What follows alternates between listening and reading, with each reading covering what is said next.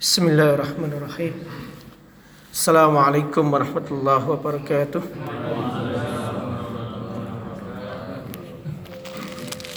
إن الحمد لله نحمده ونستعينه ونستغفره ونعوذ بالله من شرور أنفسنا ومن سيئات أعمالنا من يهدي الله فلا مضل له ومن يضلل فلن تجد له وليا مرشدا أشهد أن لا إله إلا الله أشهد أن محمدا عبده ورسوله. اللهم صل وسلم وبارك على سيدنا محمد وعلى آله وأصحابه أجمعين. ما بعد قال الله تعالى في القرآن الكريم أعوذ بالله من الشيطان الرجيم. بسم الله الرحمن الرحيم.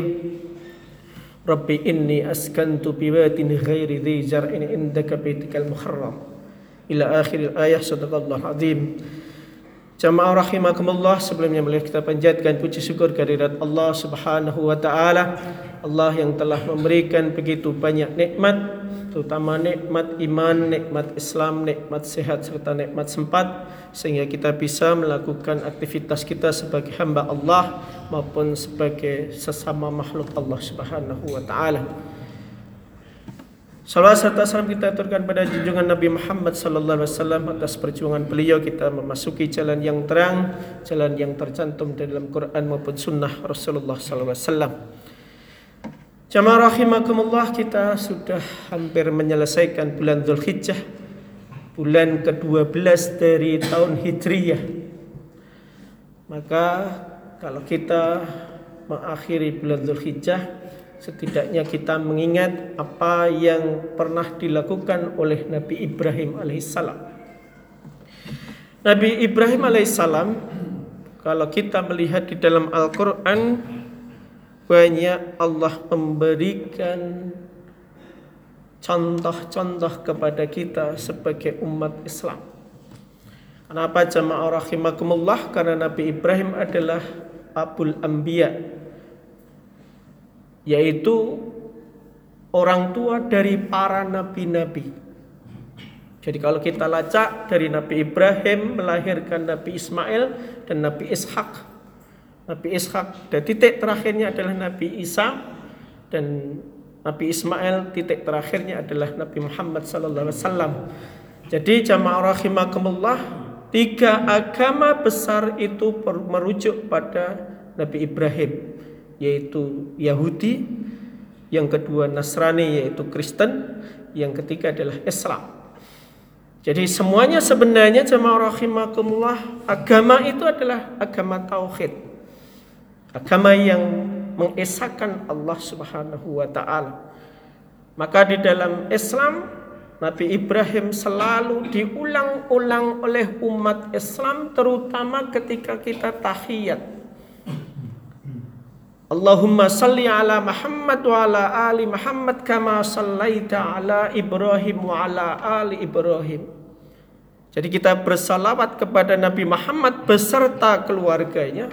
Allahumma salli ala Muhammad wa ala ali Muhammad kama sallaita ala Ibrahim wa ala ali Ibrahim. Seperti kita itu bersalawat kepada Nabi Ibrahim beserta anggota keluarganya. Masih diperkuat lagi Allahumma barik ala Muhammad wa ala ali Muhammad. Ya Allah berikanlah keberkahan kepada Nabi Muhammad dan keluarganya. Kama barakta ala Ibrahim dan seperti engkau memberkahi. Kama barakta ala Ibrahim kepada Ibrahim wa ala ali Ibrahim termasuk pada keluarga Nabi Ibrahim.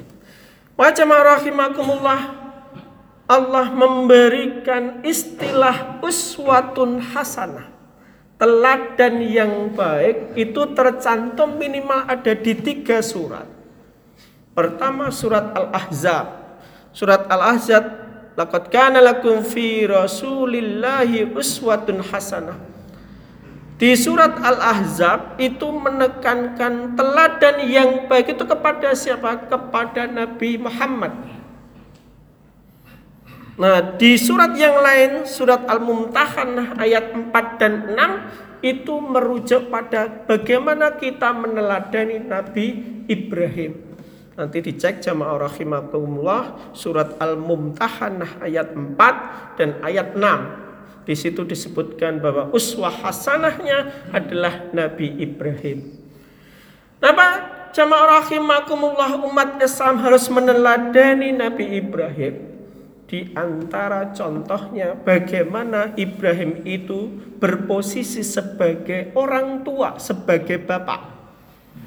Nah, yang jenis kelaminnya bapak-bapak laki-laki itu mencontoh bagaimana menjadi bapak yang baik seperti Nabi Ibrahim. Itu yang pertama.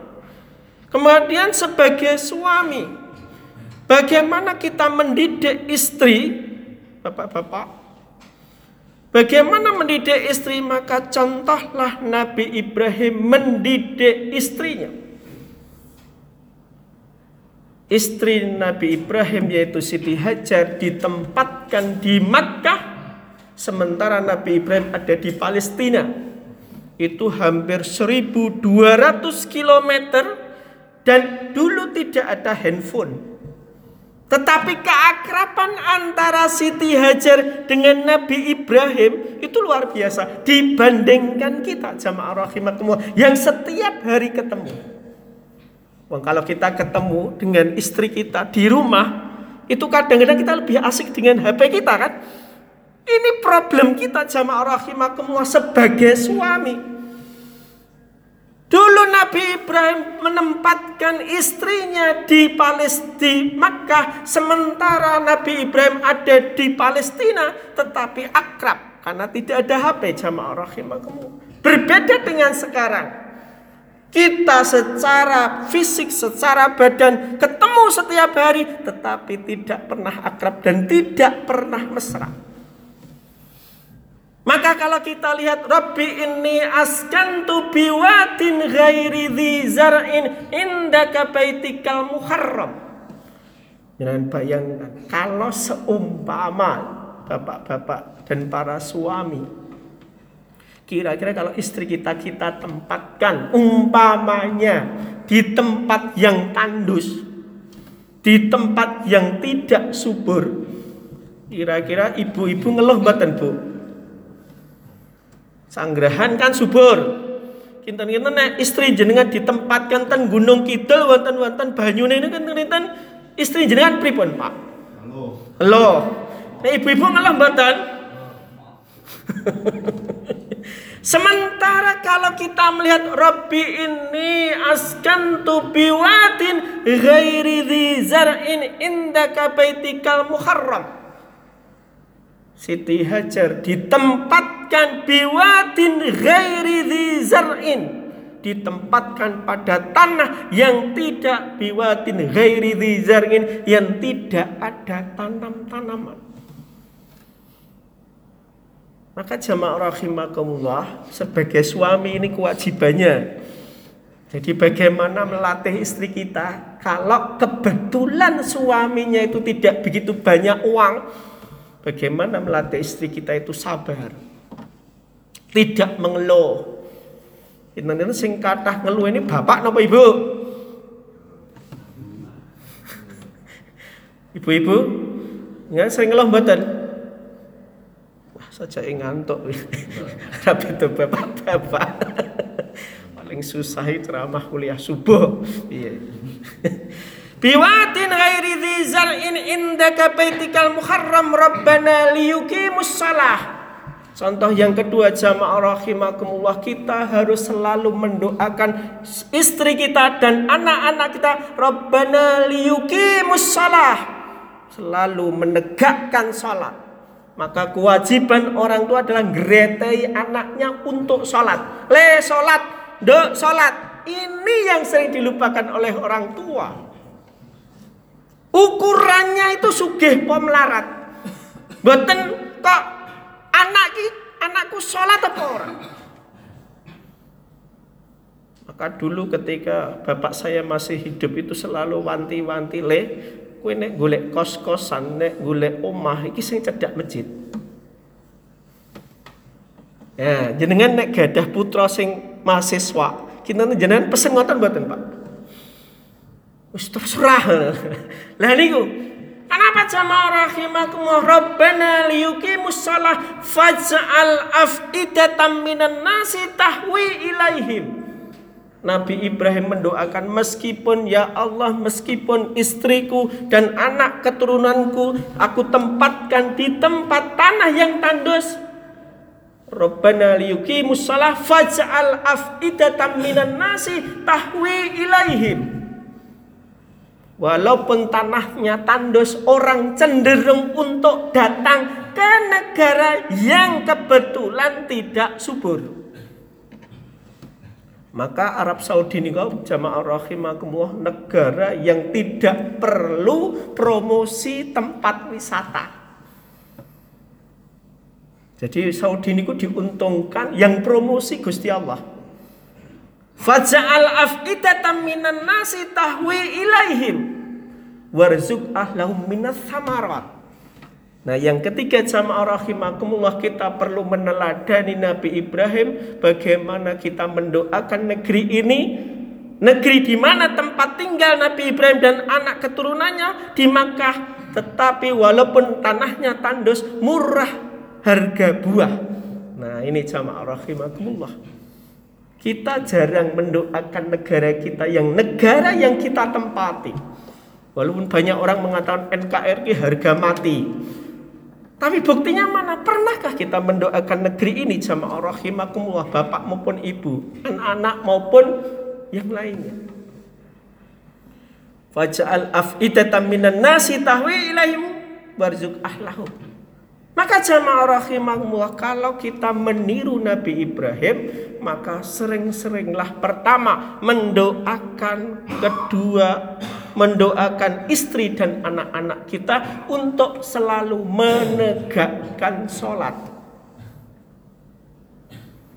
Itu yang pertama jamaah rahimakumullah. Yang kedua jamaah rahimakumullah kalau kita meniru Nabi Ibrahim maka kita perlu mendoakan istri kita untuk sabar. Nah ini yang belum kita lakukan. Kemungkinannya. Kenapa jamaah rahimakumullah? Dengan kesabaran Siti Hajar dengan punya anak kecil namanya Ismail kemudian beliau mencari air untuk kehidupan anaknya. Beliau sabar dari Safa ke Marwah sebanyak tujuh kali. Beliau tidak pernah mengeluh. Dia hanya mengeluh kepada Allah Rabbana liyukimus jadi ngeluh itu bukan di WA Rata-rata kita itu kalau mengeluhkan di status WA. Dino kok panas mentoan. Nah kalau Nabi Ibrahim dan Siti Hajar itu mengeluhnya kepada Allah melalui sholat yang kita kerjakan. Rabbana liyuki musolah. Karena yang menyelesaikan persoalan adalah Allah bukan manusia. Manusia ini dikelui biasanya Allah luwih rekoso aku daripada kono anakku limo. Kowe kan mengsiji loh malah jor-joran masalah dua masalah orang. Maka jamaah rahimakumullah, jamaah haji pasti meniru sa'i. Perjalanan dari Sofa ke Marwah dengan mengagungkan asma Allah. Nah, pernahkah kita melatih istri kita untuk tidak mengeluh kepada suaminya tetapi mengeluhnya kepada Allah Subhanahu wa taala.